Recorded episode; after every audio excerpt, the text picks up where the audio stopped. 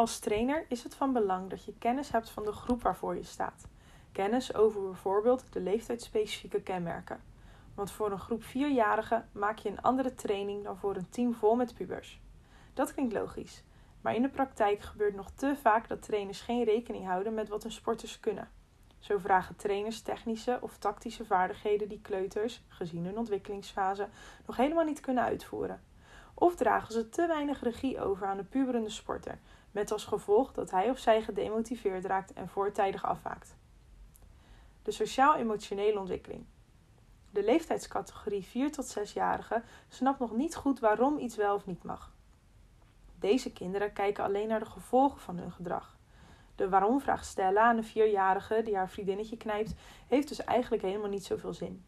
Je kan beter uitleggen dat ze niet mag knijpen omdat ze hiermee de ander pijn doet. Vertel vervolgens hoe je wel wil dat iedereen met elkaar omgaat. Het spelen van partijtjes is met kleuters ronduit vermakelijk. Verdeel je jouw spelletjes over twee teams, dan kom je van een koude kermis thuis. Kleuters zijn namelijk nog heel egocentrisch. Echt samenspelen doen ze over het algemeen nog niet. Ze spelen vooral naast elkaar. Je kan ze daarom beter één tegen één spelletjes laten spelen. Op deze manier werken ze aan hun eigen vaardigheden in plaats van dat iedereen achter één bal aanrent. Soms lijkt het alsof deze groep veel aan het liegen of jokken is. Zo heb ik ooit een jongetje training gegeven die beweerde dat hij op schoolreis ging naar Afrika. Hij was diep beledigd dat ik hem niet geloofde. Een korte navraag bij zijn ouders verklaarde een hoop. Het weekthema op school was Afrika en hij ging inderdaad op schoolreisje, maar naar een lokale kinderboerderij. De wereld van kleuters wordt steeds groter, maar ze begrijpen nog lang niet alles. Om alles in hun hoofd kloppend te maken en zichzelf een veilig gevoel te geven, vullen ze de gaten op met hun fantasie. Bewust liegen gaan kinderen pas later doen, vanaf een jaar of zeven. Kleuters straffen of op hun kop geven omdat ze liegen, heeft daarom niet zoveel zin. Het kan erin resulteren dat de kind zich niet begrepen voelt en uit onmacht heel boos of verdrietig wordt. De motorische ontwikkeling.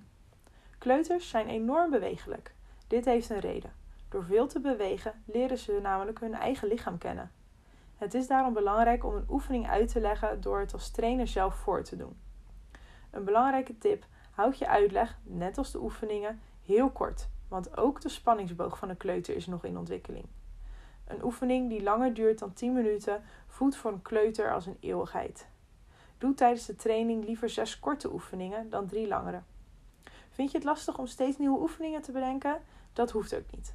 Breng variatie in bestaande oefeningen of doe een oefening van drie weken geleden gewoon nog een keer. Dan zie je meteen de vooruitgang. Als kleuters bewegen, beweegt vaak heel hun lichaam mee. Een kind van 4 tot 6 jaar is al ver in de ontwikkeling van zijn of haar grove motoriek. Het kan al hinkelen, overgooien, springen en draaien. De fijne motoriek is echter nog niet goed ontwikkeld, waardoor bepaalde technische vaardigheden simpelweg niet uitgevoerd kunnen worden. En zie je dat een kleuter nog niet zo ver is en heeft het ook geen enkel interesse om die vaardigheid wel onder de knie te krijgen, bied dan de kleine sporter een eenvoudige, laagdrempelige oefening aan. Zie het als een trappetje. Als het kind op de vierde trede staat, is het niet haalbaar om iets van de zevende trede aan te bieden. De veel hogere en lagere treden zijn demotiverend. Een uitdaging van net één trede hoger is perfect. Het trainersvak is leuk, maar wel een hele uitdaging. Geen zorgen, want niet alleen spelers mogen fouten maken, jij als trainer mag dat ook.